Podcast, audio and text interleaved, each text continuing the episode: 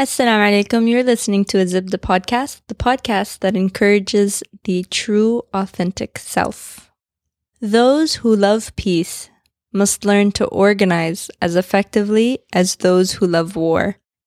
This is a quote by Martin Luther King Jr., one of the many historical figures that we're going to talk about today. We can identify the spirit and philosophy of nonviolence as an attitude and a way of life. Humility, simplicity, courage, compassion, dedication, faith, intelligence, sincerity, and a dire need for peace and justice for all is the epitome of what we think of when we think of a hero. But for some reason, a lot of people are under the impression that peace is something that's weak.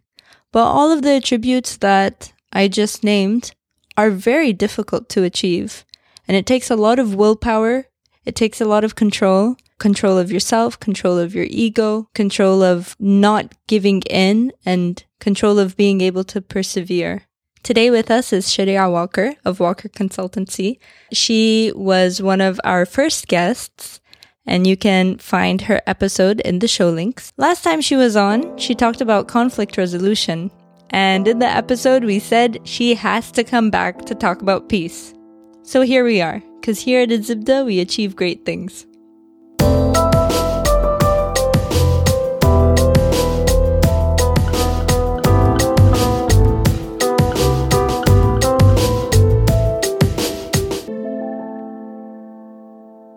أهلا اسمي خيرة وأنا حتجرب الكلام بالعربي.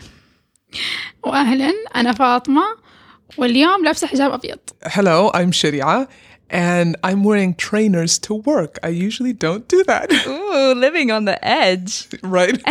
Love it. um, we're talking about peace today. Mm-hmm. And this was derived from our last episode with Sharia, which was uh, conflict resolution. Mm-hmm. Uh, at the end of the episode, we realized that there was so much we didn't talk about when it comes to the way of resolving conflict and nonviolence that we need to make a whole episode about it. Yay. Yeah. Yes. So this is why we're here. And I'm excited. I'm here too. uh, finally, why don't we start with the thing that we wanted to talk about in last episode that we mm. didn't get the chance to, mm. which was nonviolence as a word.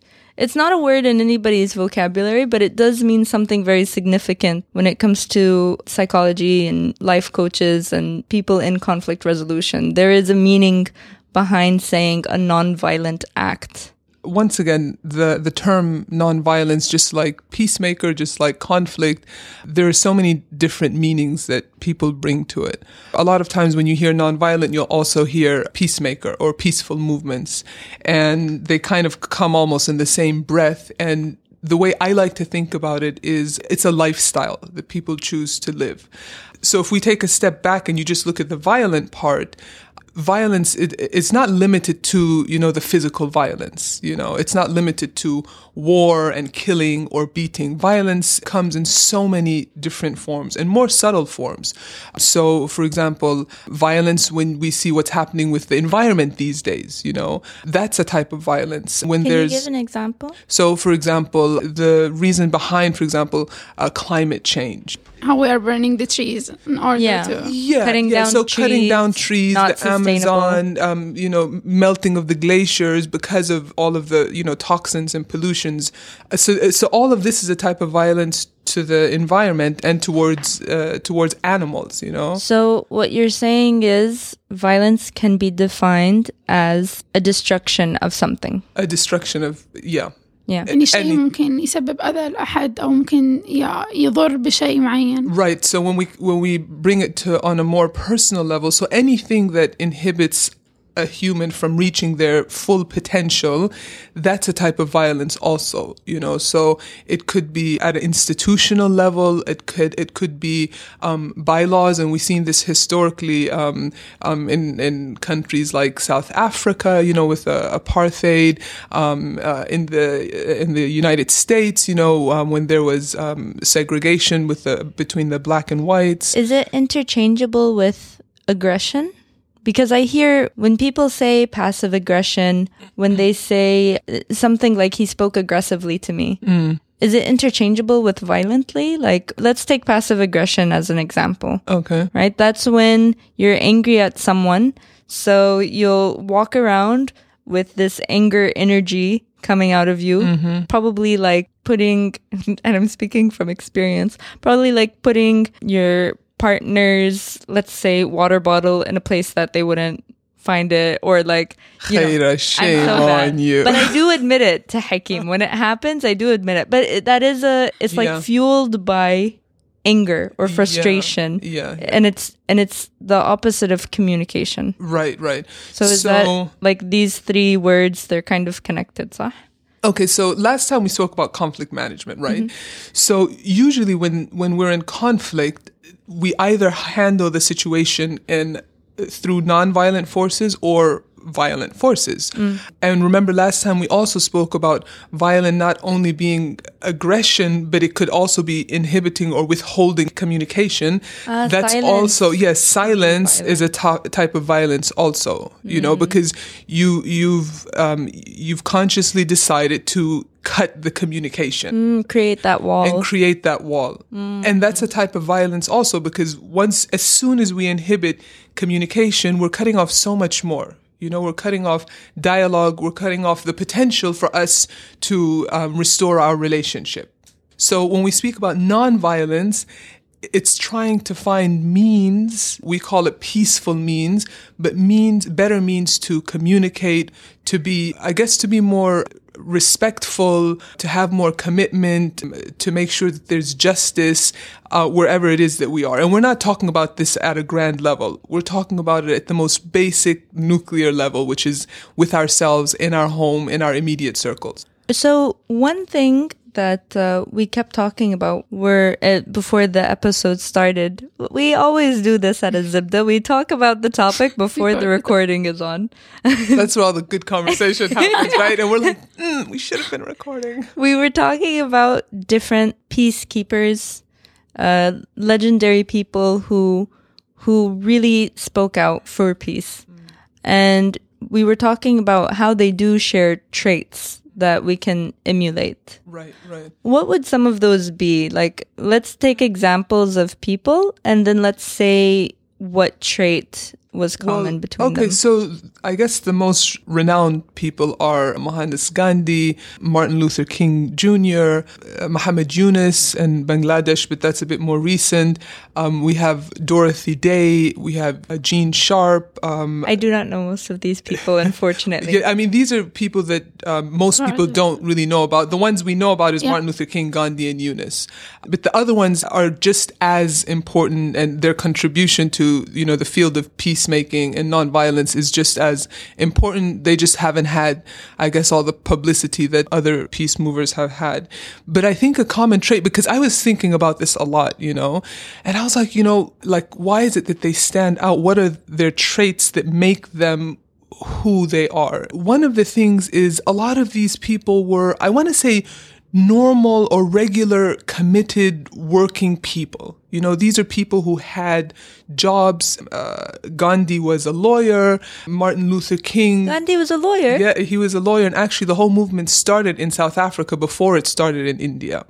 Okay, yeah, we gotta we gotta take a step back because this also uh, there was a lot happening in the states and South Africa and India at the same time. Is that what you're saying? Right, right. So a lot of what happened in the U.S., especially in Nashville, Tennessee, when da- when the downtown area was desegregated, it was because they had learned from the movement of Gandhi. You know, so they were reading his literature. They were communicating with him via, you know, mail. They didn't have email at the time. But can you imagine what it would have been like if there was like social media and that and- time. Yeah, yeah. Yeah. So yeah, he started as a lawyer in uh, South Africa, Gandhi. This all started where because he was actually commuting from one town to another, and during one of the stop, officers co- came onto the train, and he was he was well off. Gandhi. He came from a good family. He was uh, I think he was educated in the UK. When they seen him, he was a colored man, and he was in like first class on the train, um, and they told him, "You don't belong here." And he stood up. He said, basically, you know, here's my ticket. It's a fir- I purchased a first class ticket. So this is my seat. They said, no, you don't belong here. Colored and black people belong, you know, on a different or in a different wagon. So uh, eventually he got into a quarrel with them and they kicked him off the train. Okay, so he was stuck outside, stranded in the middle of the night in the cold. For him, he says that was the igniting moment. That was the moment he understood that, like, how could this be possible, even legally, because he has a, a legal mind, you know?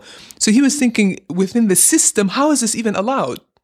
you know and so finally when he did reach his des- destination i think he was representing um, uh, clients who were black and he start he kind of started this whole movement but once again when he started thinking about it he started thinking about well how does this apply to my lifestyle so him and his wife they were from a wealthy family and stuff and they had servants and the servants of course were you know At a different class. at a different because you know the Indian system, uh, especially tradition, was extremely classist. You know, so he said he was starting to think of it at a very personal level. How is the system, which was a violent system, affecting me and my lifestyle at a very personal level? And he made radical changes at home. He started doing the cleaning of the house, and he ordered his wife to do so too, cleaning out the bathrooms. And for his wife, this was something she did not sign up for. no, no, no. she was like, I didn't sign up to clean up the toilets. We have maids for that, you know? But just to bring the point back to when people make these changes, they always start, especially these icons, they start with themselves and within their own homes. And that's how the whole movement began, you know? So yeah, I mean, that's, and then it started in South Africa, the movement, and he started, the other part of it is education. These people were extremely educated. Dr. Martin Luther King was extremely, I mean, anyone who hears him speak, he's such an eloquent speaker. If you read any of Gandhi's writing, such a elegant writer, you know? So these are people who are highly educated, highly sophisticated, high morals, and just real thinkers, genuine, sincere thinkers. If I wanted to kind of like look at the common attributes between these, uh, these people, I would summarize it to those things.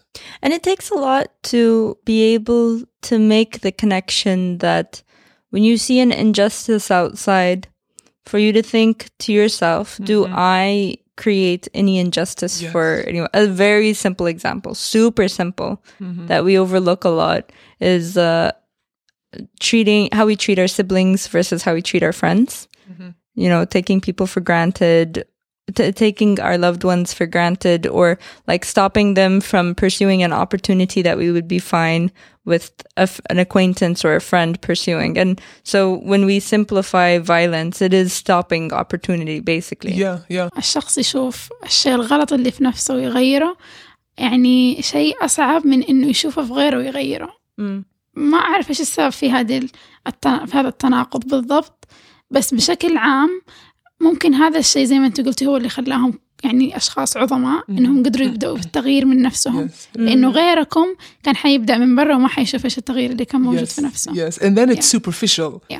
It's superficial when you start, you know, we get excited about, I want to be a part of a movement, you know, and it has like this buzz to it. And it's, Yeah. even even something as sup- uh, not superficial but if we remember the the ice bucket challenge Mhm. there was a lot of people so the ice bucket challenge was an awareness campaign where people would pour have ice a bucket of ice poured onto them yeah, I'd kill someone for that. I, I, I'd take them. it was all voluntarily oh, it was all consensual Oh, Yeah. but I'd still take them out. Even if I would have signed those forms. Uh, it was a thing That yeah, the idea Yeah. was was that you're creating awareness but then a lot of people did it for the attention yes. yeah, for fun and for fun, which wasn't bad. Ashan, the message got Yeah. through, but it's an example of like the very fine line between knowing the purpose of what you're doing mm-hmm. and then doing it because it's what everybody that you admire is doing. You know mm-hmm. what I mean? Mm-hmm. Yeah. just to kind of piggyback off of what you're saying, it really does start from, I mean, because when I was preparing for this session and me preparing, me just doing a lot of thinking, you know, like kind of going through my thoughts and, um, kind of reading, reading over my favorite, my favorite book in the world. And I think I put it on the list. It's a small book. It's not big at all. And it's more like a journal. And the name of it is I'd, I'd rather teach peace. And the author is Mm-hmm. It's in the I'd show ra- yeah. So I'd rather teach peace by McCarthy, and he used to be a journalist, but it's basically him jour- um, journaling his experience teaching peace um, at different high schools and juvenile delinquent centers. So when I was kind of going through his book again, it's written very simply, and I was thinking about it, and one of the things that really rang truth with me is he said after 9-11 uh, in 2001 a lot of his students came to class and they're like you know what do we do? Um, like how is nonviolence and peacemaking applicable and relevant to what's happening now? Because um, the rhetoric at that time was you know we're going to smoke them out of their holes and we need to you know get justice for what has happened to us. So they came back to um, mccarthy his students and they asked you know how is it relevant? What do we do? What's the peaceful thing to do Anyway, so he said, you know what? The first thing we need to do is make small and immediate changes within our own selves and mm. within our own lifestyle.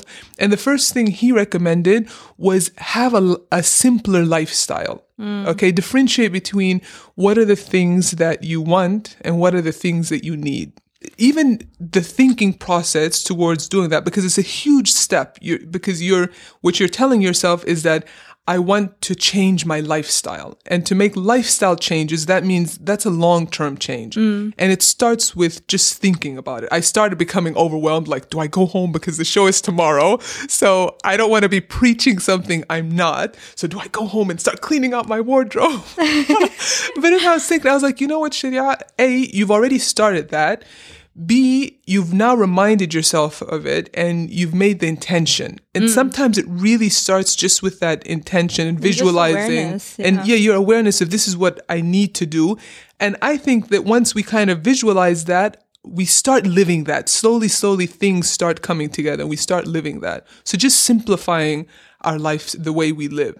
And it goes against what happens in the world, yani the machine that powers the world Mm-hmm. today is one that says consume Yes. to show your value Yeah. what i'm hearing from you is these great leaders that you were talking about what they focused on more was was not bringing themselves down and thinking about the victims and like bringing th- themselves to a to a level of being a victim or being less what they did was everybody around them looked more important to them. They humanized every single person and then that allowed them to think of them as a as a real person. Like Yeah. would i allow this to happen to my loved one? And and a lot of the cases that you mentioned the answer was no. Yeah, and uh, you bring you bring up a really important point, which is humanizing the other. So even the enemy, humanizing even the enemy, and what does that mean to humanize the other and to see them as a human being? That even although their actions have done one thing, that doesn't mean that's who they are. You know, because we all do, our behaviors are not always the best, but we're more than our behaviors. Treating people at a certain standard where they feel that they need to be better. And that's what we see Gandhi did, what Martin Luther King did, what um, Dorothy Day did, all of them in their different ways. قبل ما قبل ما نجي نسجل الحلقة كنت بفكر بنقطة وهي إنه الآن في هذول الناس اللي إلينا اليوم اللي كل سنة بتتقدم جوائز نوبل وفي كل سنة ناس بيظهروا للعالم كله إنه هذول الناس اللي بيناصروا السلام. بس ليش بالنسبة للعالم سهل إنه أطيع الشخص اللي بيقول يلا ننشر ال- الكره أو ننشر العنف؟ بس مرة مو سهل بالنسبة للناس إنهم يقولوا أوكي في شخص هنا بيحاول ينشر السلام خلينا كلنا نصير سلميين Right, right. فهل هذا يرجع لأنه أساسا آم، طبيعة الإنسان اللي هي العنف هل العنف طبيعة من طبيعة الإنسان I love that question. Um, so, and this is a question I, I've taught maybe two classes on peace studies, and um, but what I really like about my favorite book in the whole wide world, which is I'd Rather Teach Peace, it's all about this person, McCarthy's experience with students. And it's so interesting because students usually push the boundary. You always have a few students who want to push the boundaries. And they're like, what is this peace talk? Really? Did peace take us anywhere, you know? Um, and what of, age group are we talking about? So we're when talking you refer to students? We're talking about high school and college students. So that's okay? like but teenage years. But you know what? Although, so that's where he was teaching, but what he encourages and later on he does actually do is teaching from kindergarten. Um, so I don't know if you've heard of this school program. It's called Alt School. Um, it's a new educational system. An entrepreneur, um, he's the one who started it, and even um, what's his name, Mark Zuckerberg, the Facebook person. Um, he's he's one of the people who's funding it with millions of dollars. But one of the things that's so amazing, one of the things that they teach in this school is within the classroom they have what they call a peace corner. And I was like, oh my god, that's amazing because what what I think Fatima is saying here is we people are peace illiterate. Okay, we have no background or no idea about what does it mean, what does peace mean. You know, a lot of people do confuse the idea of may peace be upon you with may ease be upon you. Like, I mm-hmm. hope you don't run into anything that'll make you angry. Mm. Yeah. Not that I hope you find acceptance and Yeah. gratitude and Yeah. chillage, relaxation, you know? Yeah, I mean, those aren't the words, at least Yeah. for me, when someone says Assalamu alaikum, because I, I learned a lot of about Islam when I was in the States. Mm. So that makes you very far away from it and you think about it more because it's Mm. more rare. So when someone would say peace be upon you, I noticed that here it's more like, you know, have a nice day, Yeah. Yeah. right? Right. I was thinking about that actually the other day. I was walking. So I was passing by this woman and we kind of, our paths were crossing and she looked at me and I looked at her. And you know, us women, we have to check each other out. Yeah. okay. We're like checking each other out, looking at the shoes. Does it match the scarf and the bag? And, and then for a minute, I kind of like, I noticed what I was doing. And then I, I said, salam alaikum. And I felt like when I said that, I was saying like, kind of like I don't want to judge you. Yeah. I want to take you for, you know, I want to have the best impression of you and not prejudge you or, you know, make judgments about you. Came in peace. I exactly saying, but I come in peace, truly meaning like really humanizing this person, you know. And when I said it, I don't know why it resonated. It felt like it resonated something within her because, and then she gave me this broad smile and she said, "Wa alaikum assalam," and we kind of just passed. But it was like a moment that we had, you know, that was really special. And I kind of it made me rethink about when we say salam alaikum to people when we're saying peace be upon you, but it also means it's as if I'm making a commitment to you from one human to another. آه، ينفع أرجع لنقطة ال- آه، الروضة اللي كنت تتكلمي عليها Yeah, yeah. الفكرة هنا هل تعتقدوا أنه نحن لما خلينا نتكلم عن فترة المراهقة مثلا أنه هي الفترة اللي يكون فيها زي ما قالت خيرة ال- ال- العنف على أشد هل هذا بسبب أنه ونحن صغار كان تركيز أهلنا أو تركيز التعليم عموما على العنف أكثر من ما كان مركز على أنه يقول لنا ابتعدوا عن العنف كنا من يوم ما إحنا صغار نتعلم العين بالعين والسن بالسن يسوي اللي يضربك اضربه. اللي يسوي لك سوي له بس ما كانوا يعلمونا إنه مثلا سوى لك كذا طب عادي يعني دامك ما مت فاتس أوكي خليك أنت اللي اللي ابدا بالسلامة اولا Right, right. فهل هذا الكون إنه مزروع فينا ال-. الغضب وال والكره من ونحن صغار هو اللي يخلي من الصعب التعامل معنا لما نكبر بس اسهل لما نبدا نزرع السلام في الشخص وهو صغير Yeah, definitely. Uh, ك- كان في شيء اسمه non-violent communication. Mhm, بس Marshall Rosenberg mhm. he points out إنه اللغة نفسه it's based on عنف. This is my attempt at Arabic.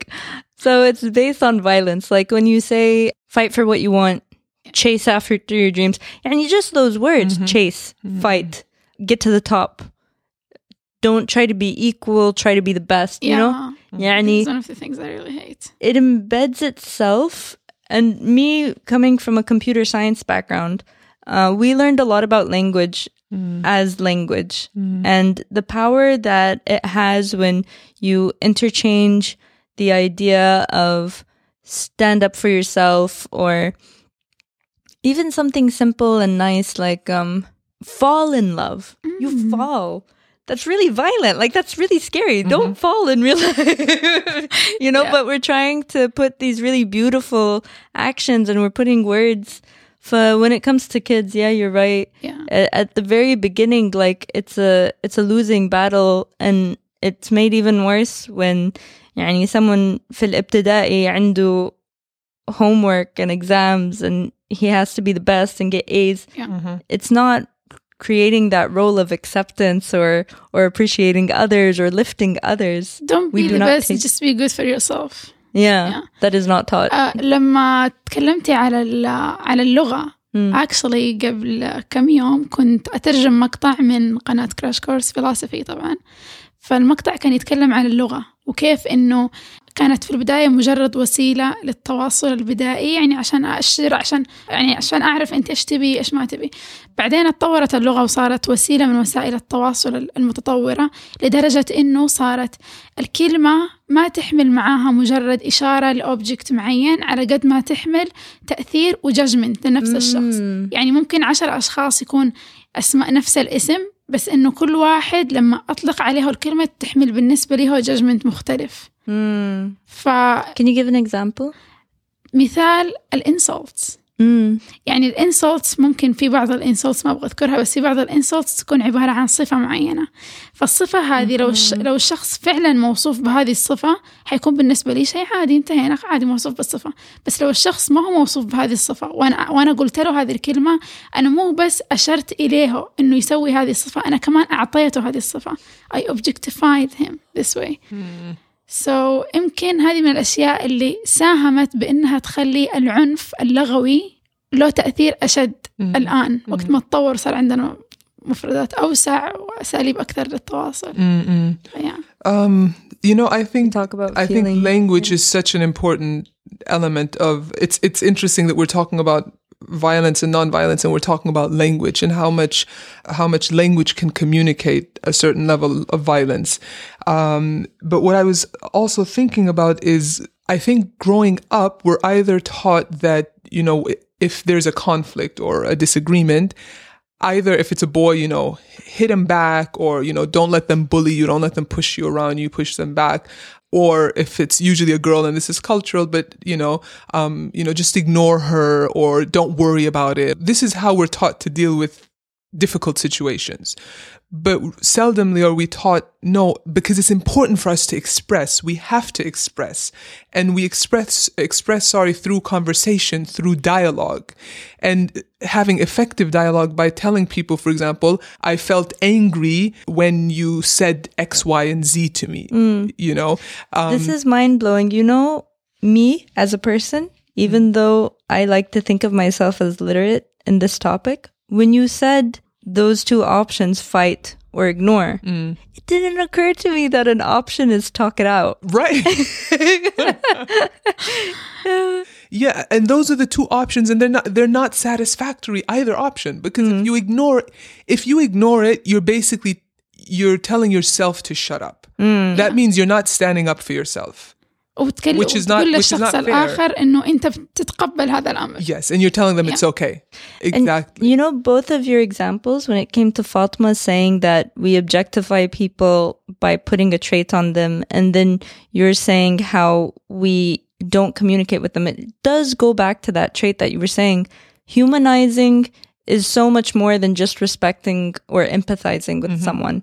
It means making sure that you don't objectify them or you don't stereotype them. And it also means being willing to connect to them Yeah. as a person. Right, right. But because I think we we make judgments, we objectify when we have to withhold things.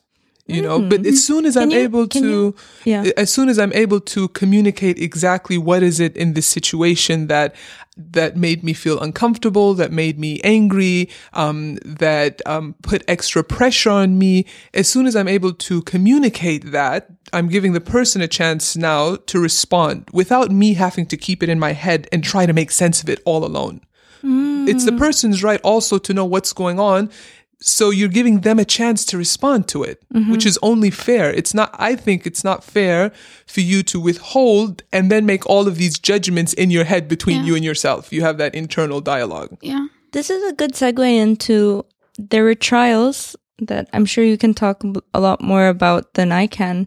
In South Africa, after the apartheid came down, there were trials where people could come up mm. and admit their wrong and then ask for forgiveness from the victims. Um, I learned this from a book called It was written by Desmond Tutu and his daughter, and it's called The Fourfold Path to Forgiveness. And he talks a lot about, you know, the dialogue that the wronged have Mm-hmm. a- and that the person who wronged should have in order to achieve that sense of peace. Mm, Can you tell us more about those trials and Yeah, what it looks actually, you know, we had a talk during Ramadan on conflict management and reconciliation. And the case study that we used was the South African trials. And actually, Tutu was one of the judges during that trial. Um, and it was called the Truth and Reconciliation Commission. And it took it, it took quite a while. I mean, it takes massive resources in terms of time and can money. you can you paint us a picture as to what was a regular trial and that commission? Okay, so for this commission, there was, I believe, four different commissions. Each one of them had to investigate certain things. So one of them would investigate, for example, human rights uh, violation. One of them would look into restitution for, you know, people who have been violated. And I can't, uh, off the top of my head, I can't remember the other two.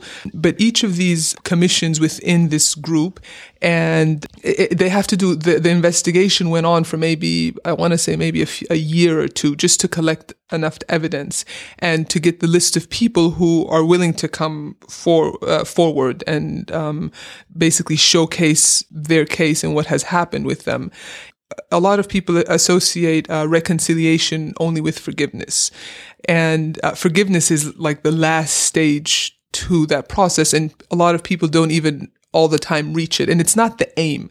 The aim is not forgiveness. The aim is that unless we know what has happened in the past and people know it's vented, it's out there, we can never prevent it from happening, it happening in the future. Hmm. Okay. So it's allowing people, people who have been violated, as well as the perpetrators hmm. to say in public what it is that happened and what did they do. So you can imagine how moving that that is for. There's an excellent documentary, but I just can't recall it right now. We'll put it in the show But notes. okay, it was a documentary that was done about the trials, and I think they took about uh, three or five cases um, within the trial. And they kind of followed the cases, but one of the cases was a case of a group of mothers and their sons had all gone missing. Okay. And they had no, and it's been years now, and they don't know where their sons are. They assumed that they were dead, but for a mother not to know where her son is and what has happened to him, at some point they found out that they were dead, but they didn't know what happened to their sons. Just one day they were gone. So the person who had lured them into a trap who happened to be a black Afrikaans, um, but he lured them into a trap because he was paid off by white uh, police officers, African police officers. So he had to come forward and say exactly what happened, how he lured them, um, how they were taken, exactly what happened uh, to the sons all the way through. And I mean, a, a trial like that, you're looking because the whole question here is what is justice? You know, where is justice? Um, who, who, who calls the verdict on what's just and what not just is? And this is a huge theoretical and philosophical debate on who says what's It's the base of all law school, if I'm not mistaken. yeah, pretty much. But because uh, uh, um, a trial like this was one that was still new. So the idea is that if the judges are convinced that the perpetrator is sincere in, in uh, basically reporting what he's done, um, they, they have the right to give him amnesty. Okay. So this is where the whole debate of justice came in because parents like these mothers are like, who are you to give him amnesty? You know, he killed or he lured our sons to their death. Um, so who, whose, whose call is it? Um, and for some people, the incentive for them to come forward, perpetrators to come forward was because they were hoping that they would get amnesty if they did come forward. And there were a few other conditions, not only the sincerity one, but for this specific case, and if you watch the documentary, towards the end, you see um, uh, this perpetrator. He's begging the mothers, "Please forgive me. Like I'm so sorry.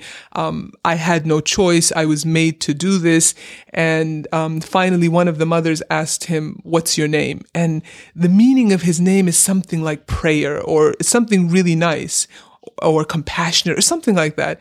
So when they heard the name of his his name, they all went into tears because for them, they felt that maybe this is a sign that we can forgive him. And I mean, they, it was very moving and stuff like that. And eventually they forgave him, but that's not always the case, you know? So forgiveness is not necessarily the, what we want from reconciliation or the goal of reconciliation. The goal is conversation, dialogue, getting it out there. People have to talk about it. People have to come forward. And it takes a lot of courage too, to hear it and to be able to share it, you know, and this is on a large platform.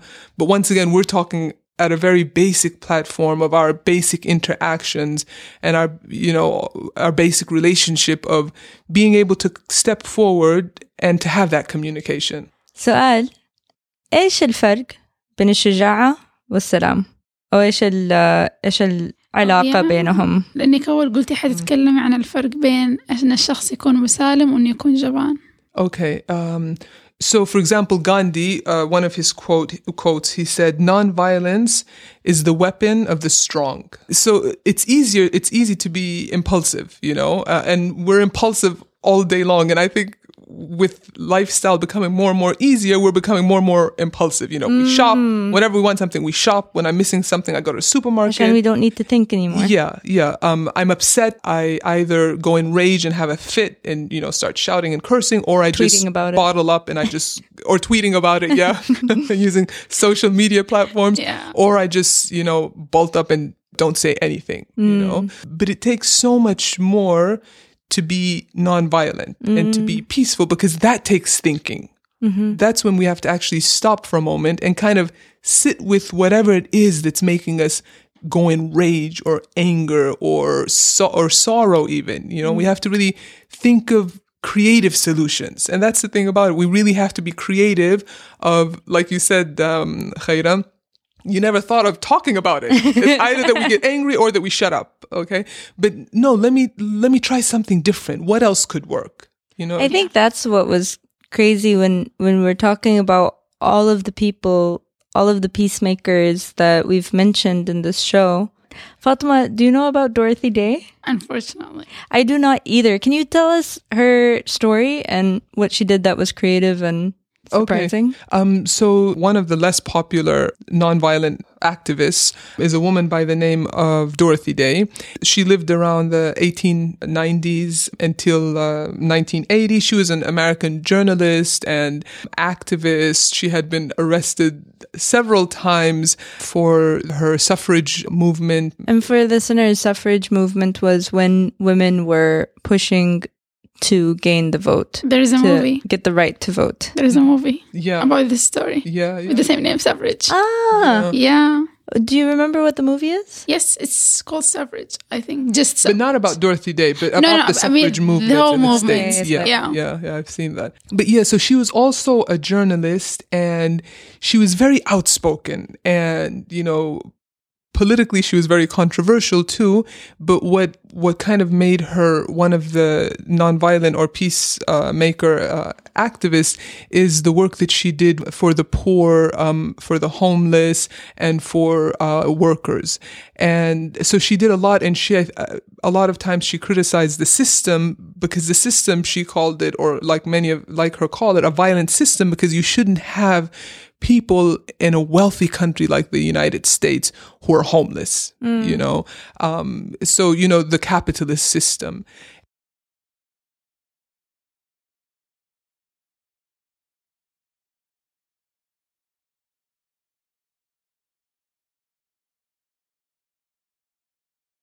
So it was a lot of times her her critique uh, that got her in trouble, but nonetheless, she she didn't really care because at heart she was also a journalist, so she was very into writing and expressing her opinions. And this is another. Uh, I just remembered. I would add this to the list of attributes or characteristics of peacemakers is the way that they communicate. A lot of them you'll find they are either journalists. If they're not journalists, they document things. They always use writing as a means to communicate because it's not good enough just to talk about it you know, in gatherings, but you have to write about it. You have to document it. It has to be communicated to people who can make the changes, you know?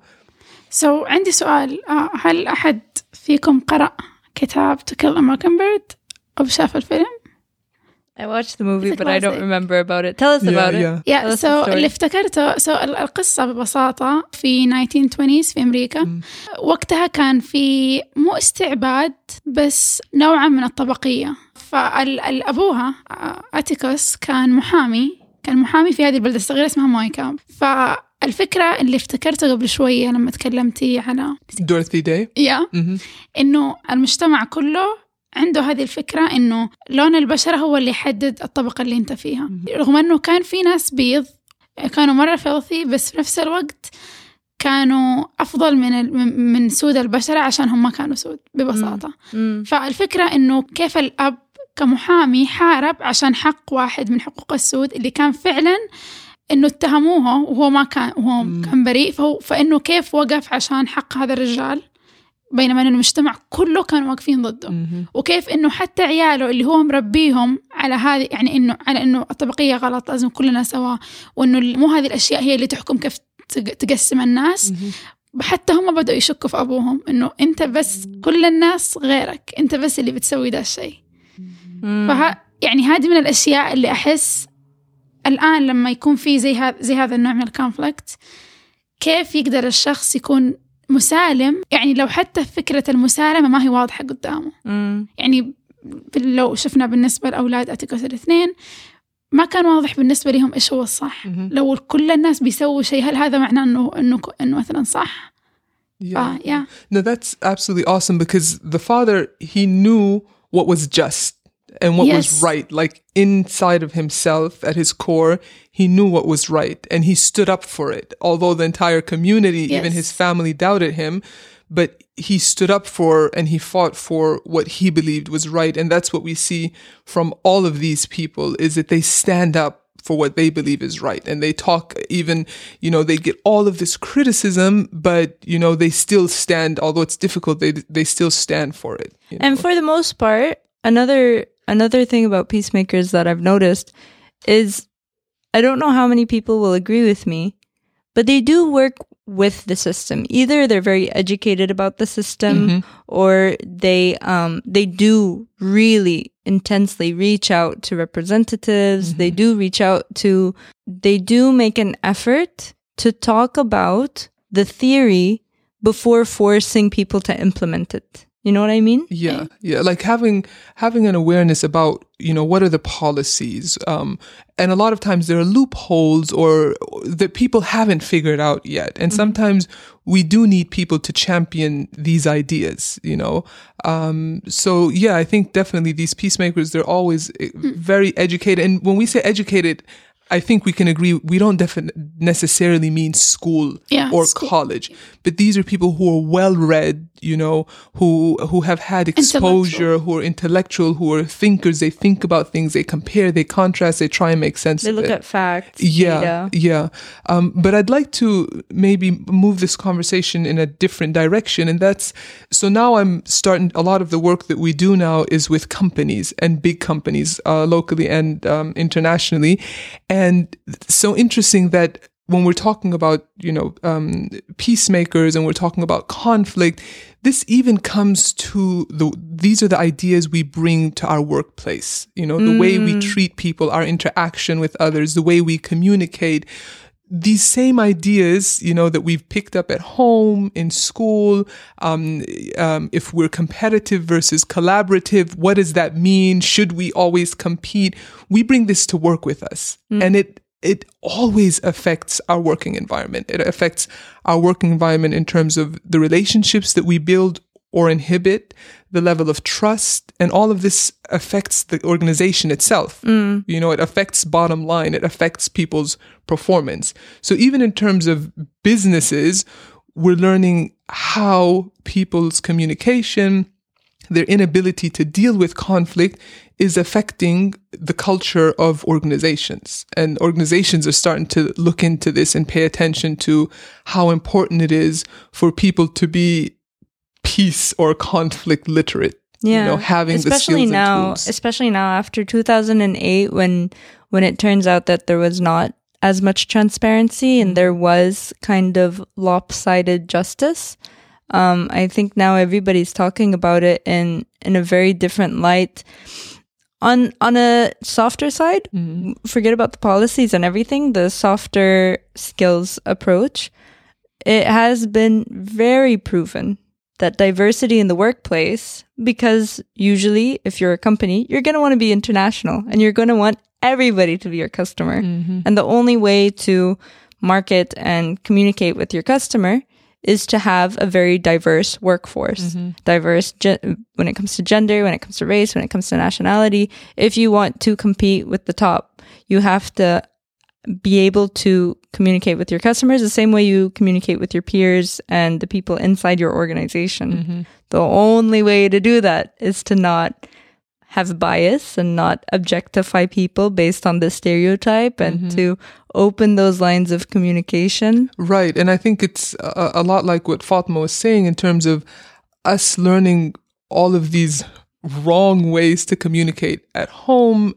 in school, and never really having the opportunity to unlearn that mm-hmm. you know and i think it's when we when we have critical experiences that we kind of figure out that something is terribly wrong mm. that the mm. way we've been doing things or the way we've been communicating with others or the foundation of our relationship has been terribly wrong and mm. we start questioning and trying to find better ways mm. yeah mm.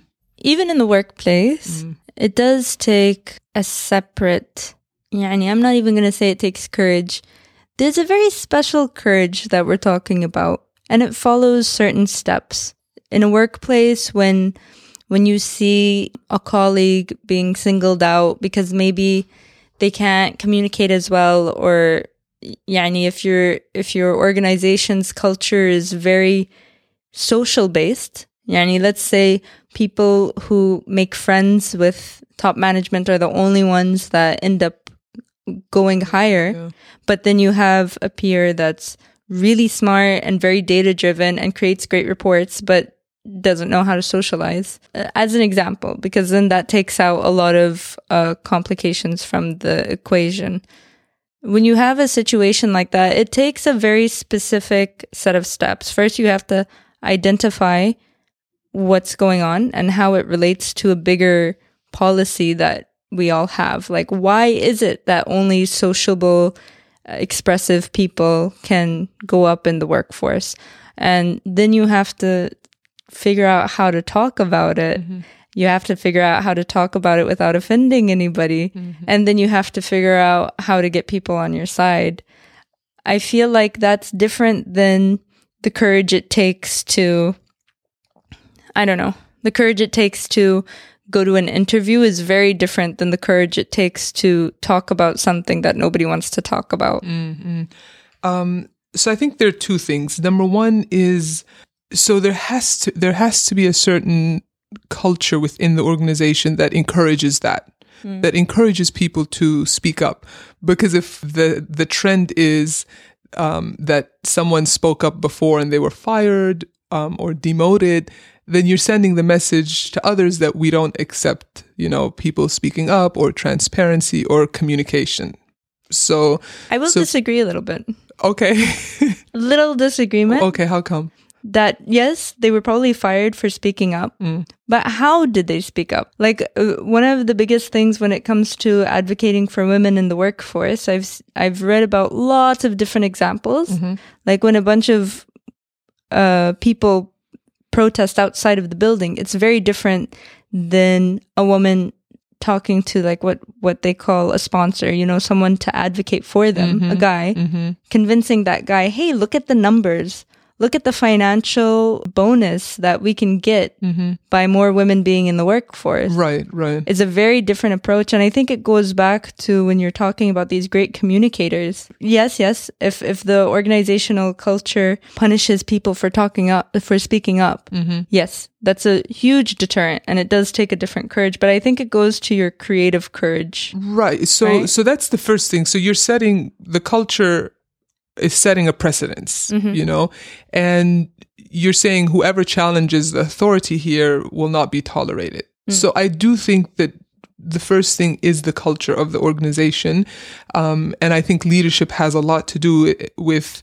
creating that culture and the type of communication. Yeah. Because and then we can talk about the how, because we mm-hmm. know or statistics shows us that most people they still don't have these communication tools you know the mm. creative courageous communication tools you know? And that's what we want to teach people. That's what we want people to learn is okay now how do you communicate your disagreement or your ideas that might be challenge- challenging the the status quo you know?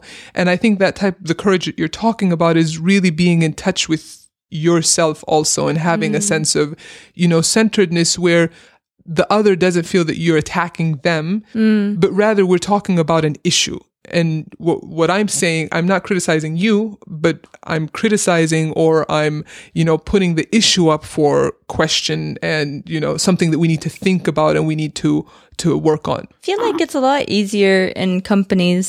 I know that you won't have much experience in this no. Fatma. بس آه، افتكرت في حلقة مانجرز مع روزانا البنوي لما تكلمت على ال- That's آه، our first episode. يب سو بيسكلي في الحلقة تكلمت على إنه في- يسووا آه، زي ورش تدريبية بحيث إنهم يجيبوا ال- ال- المدراء والامبلويرز ويحطوهم بحيث إنهم الاثنين يتكلموا مع بعض. المدير يفهم ال- الموظف إيش هو متوقع منه والموظف يفهم المدير إيش هو متوقع منه وإيش ال إيش الأشياء اللي كان حاطها في باله عنه بحيث إنه كذا يقللوا الكونفليكت اللي بتصير بين ال بين المانجر وبين ال hmm الامبلويرز عشان they understand each other. Yeah.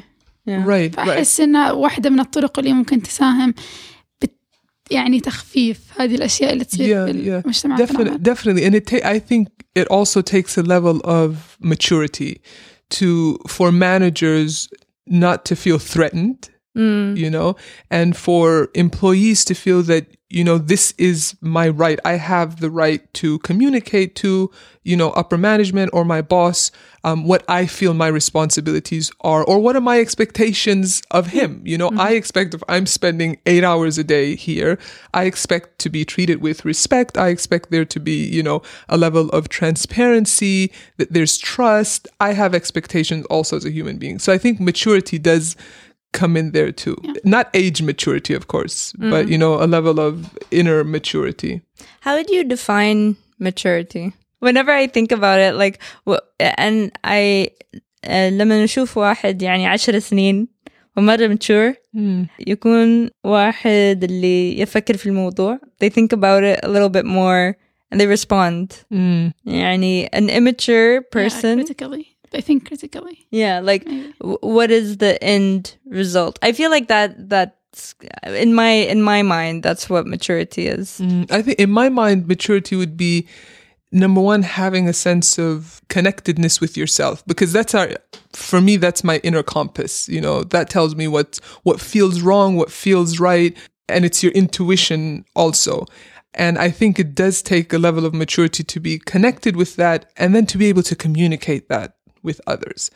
As opposed to just being on the surface of yourself the whole time and being sensationalized um, by anything and everything that happens.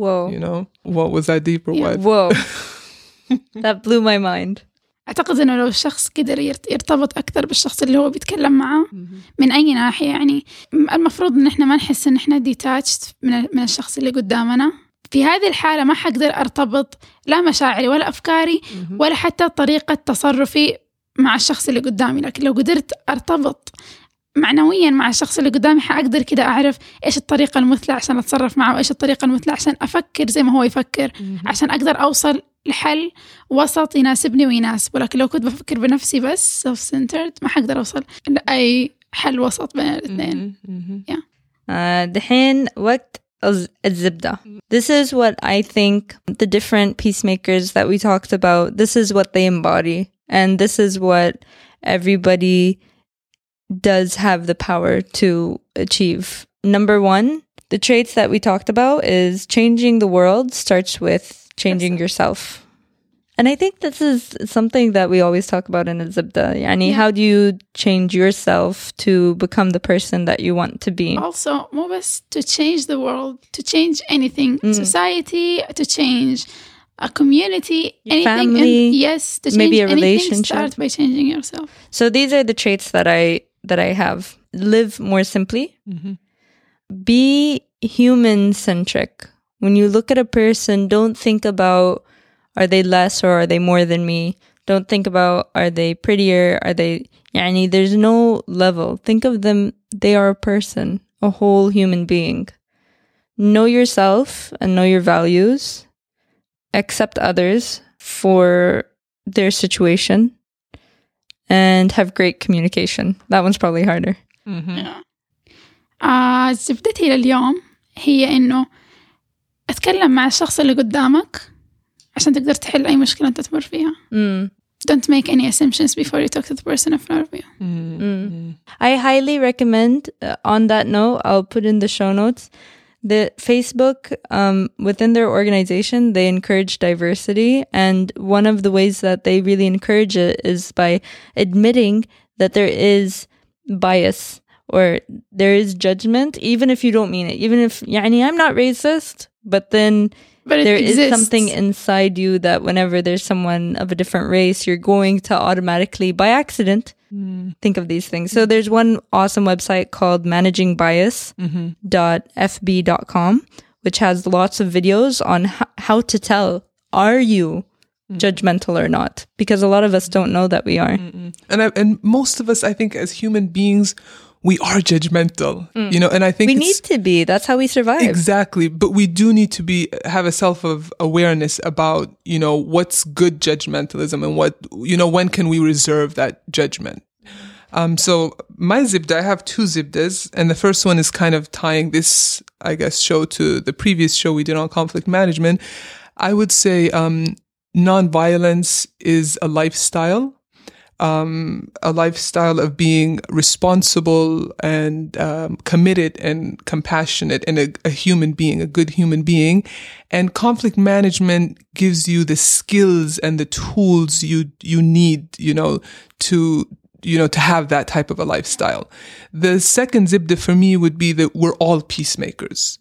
For me, when I hear Khalifa that we're all put here as Khalifas on the on the planet Earth, for me that translate into translates into peacemakers. And i think each of us just need to find our peacemaking path. It could be through education. It could be through um, having a healthier lifestyle. It could be through your a zibda show that you're doing you know? It could even be through like making bread or, you know, Yeah, feeding people. or- raising raising your children to be you know thoughtful and compassionate so we all have our own ways and it's just a matter of us i guess getting in touch with ourselves and deciding making that conscious decision to be a peacemaker in the way that we're best and fit to do so. The last zibda I have is uh, silence doesn't necessarily need to be this, but it can be violent. And also, silence can be a peacemaking thing. صح? Mm-hmm, mm-hmm. If when I think of the times that my mom was angry, now it mm-hmm. doesn't happen so much. Um, but whenever my mom was angry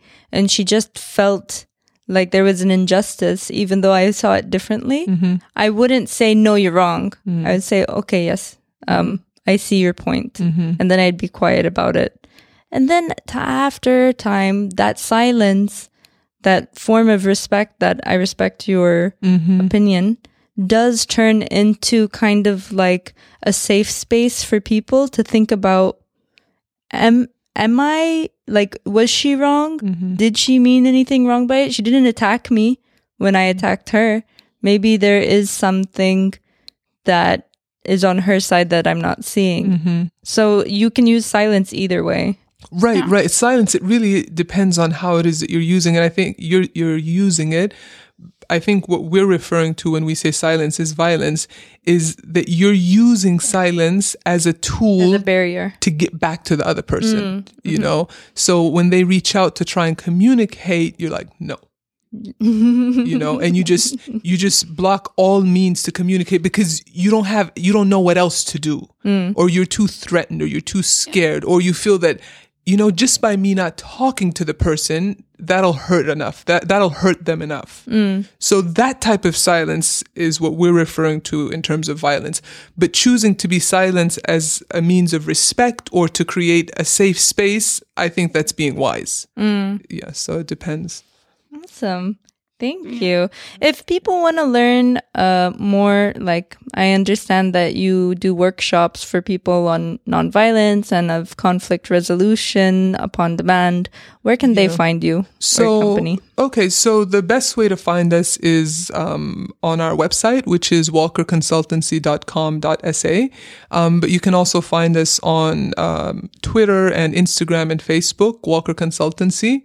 And yeah, we do long workshops that are two or three days long and like seven hours a day. But we all, and those are like certain number of hours. You get a certificate, you pay for it. But we also have shorter ones that's open to the community. They're free. We do them once a month for like two hours and it's more of a dialogue and a conversation. The last one we did, I mentioned it before, was conflict management and reconciliation. So when we have an upcoming uh, seminar that's open for everyone, we'll definitely put it on our social media platform. Cool. Okay. I'll definitely mention it. We'll retweet it for sure. Yeah, cool. Fatma, how do people find you in the world? آه يقدروا يلاقوني في كل مكان على آت فات دات ما F A T T H A T M A And you can find me just about everywhere Twitter, Instagram, as K H A Y R A B, except Snapchat, which is K H A Y R A dot B.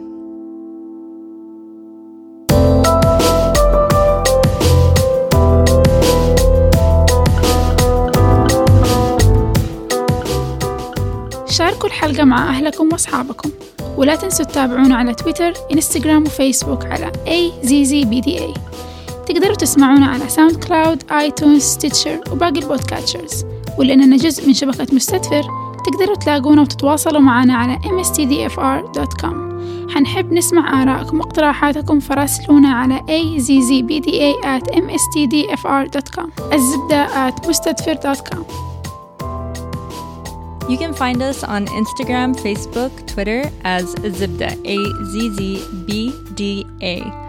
Please follow and like us and tell everyone you know about us. Get them to listen on iTunes, SoundCloud, Podbean, Stitcher, and any other podcatcher. We are a proud member of the Mustadfir Network. You can find them at mustadfir.com, M S T D F R.com. Get in touch with us. We love your guests and topic suggestions. Guests in Jeddah are easier, but we can make anything work. Email us directly using azibda at mustadfir.com. We're now a bi weekly show, so see you in a couple of weeks.